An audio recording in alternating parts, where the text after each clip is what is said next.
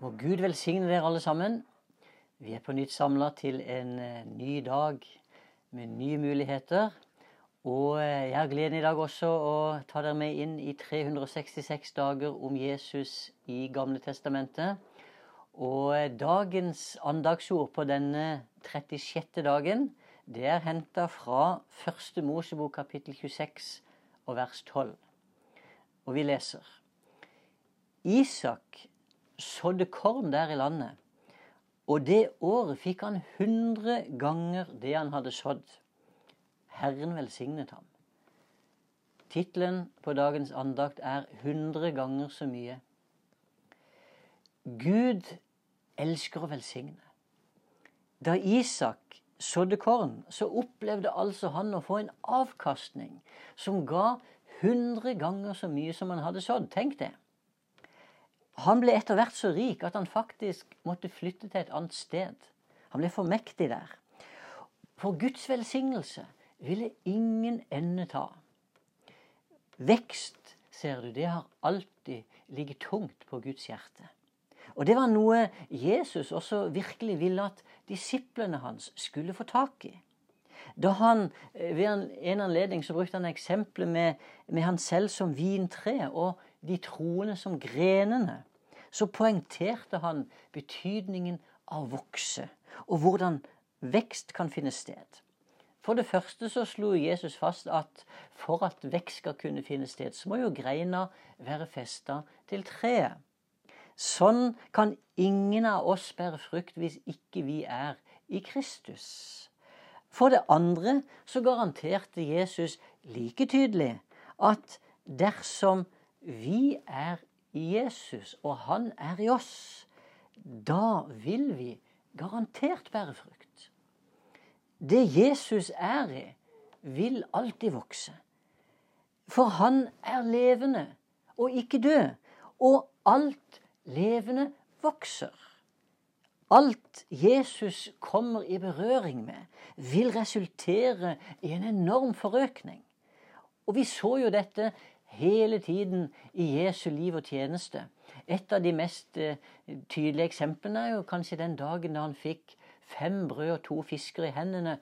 Da det hadde vært i Jesu hender, og han hadde rørt ved dem, så ble jo disse fem brødene og to fiskene nok mat til 5000 menn, foruten kvinner og barn.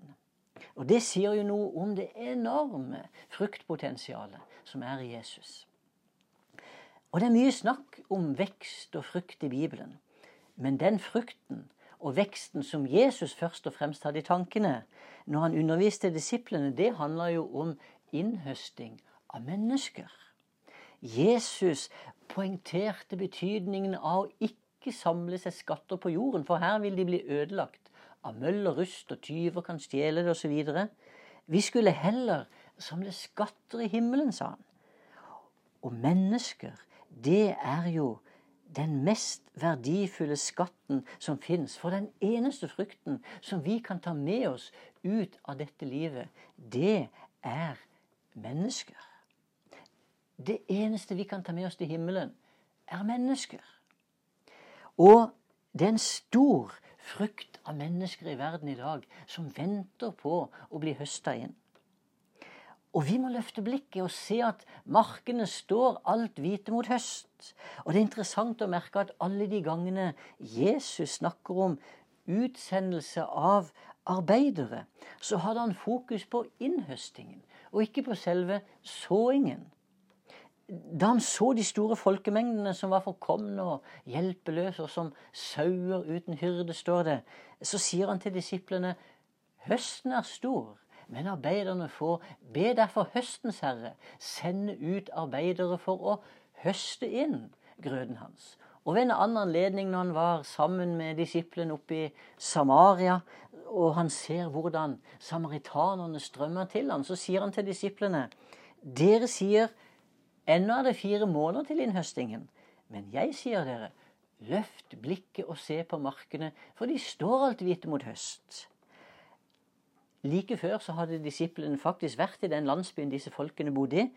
Men de hadde ikke fortalt til en av dem om Jesus. For de forsto ikke at høsten hadde kommet, og derfor måtte Jesus poengtere høsten er nå. Du ser, Jesus han sendte faktisk aldri disiplene ut for å så, men for å høste. Og det er klart, vi sår også, men det er så lett å bli værende i dette at ja, vi skal så, og vi skal så. Derfor så trengte Jesus å fokusere på at først og fremst må dere huske at dere skal høste, for dette er verdifulle mennesker. For han vil at vi skal løfte blikket, sånn at vi ser alle disse menneskene rundt oss som er klare til å bli høsta inn. Vi høster det andre har sådd, og vi skal også så, og så skal andre høste det. For du ser, i Guds rike, der høster og sår vi om hverandre. Og vi gleder oss sammen, sier Jesus. Om ikke vi høster nå, så går jo avlingen tapt. Når det er snakk om vekst i Guds rike, så må vi også være klar over en ting. Og det er at Gud gir aldri frukt, men han gir bare frø. Det er et prinsipp i Guds rike. Det Gud gir, det kommer aldri ferdig produsert, men han gir frø som skal vokse. Og i lignelsene som Jesus fortalte, så var dette veldig tydelig. Jesus kunne fortelle om sennepsfrø, som var det minste av alle korn. Men når det ble satt i jorden, så ble det til slutt det største blant hagevekstene. Han kunne fortelle om gjæren som ble lagt i en deig, og til slutt gjennomsyra hele deigen. Og Jesus selv, om vi skulle til han, han kom jo selv som et frø inn i denne verden. Han var et lite frø i Marias mage, som ble født, og som vokste opp, og som i dag er kongenes konge, og som til slutt skal fylle alt i alle. Det er Jesus. Det er prinsippet i Guds rike. Du ser, det Gud kommer med, og det Gud gir, det kan noen ganger virke svakt og unyttig. Og vi har så lett for å velge det som virker stort og flott i verdens øyne. Men vi må ha tak i det som Gud er i. For bare hans frø har kraften i seg som kan gi en varig vekst. Og vi priser deg, Jesus, for det enorme potensialet som er i deg. Og takk for det vekstpotensialet som du har lagt i oss når vi er i deg og du er i oss. Og vi ber, Herre, om at du skal bruke oss på en helt spesiell måte, også denne dagen og i den tiden vi er i, sånn at vi skal se den høsten som står foran oss, sånn at vi kan høste inn de verdifulle menneskene som du elsker så høyt. Hjelp oss og led oss i dette, Jesus. Amen.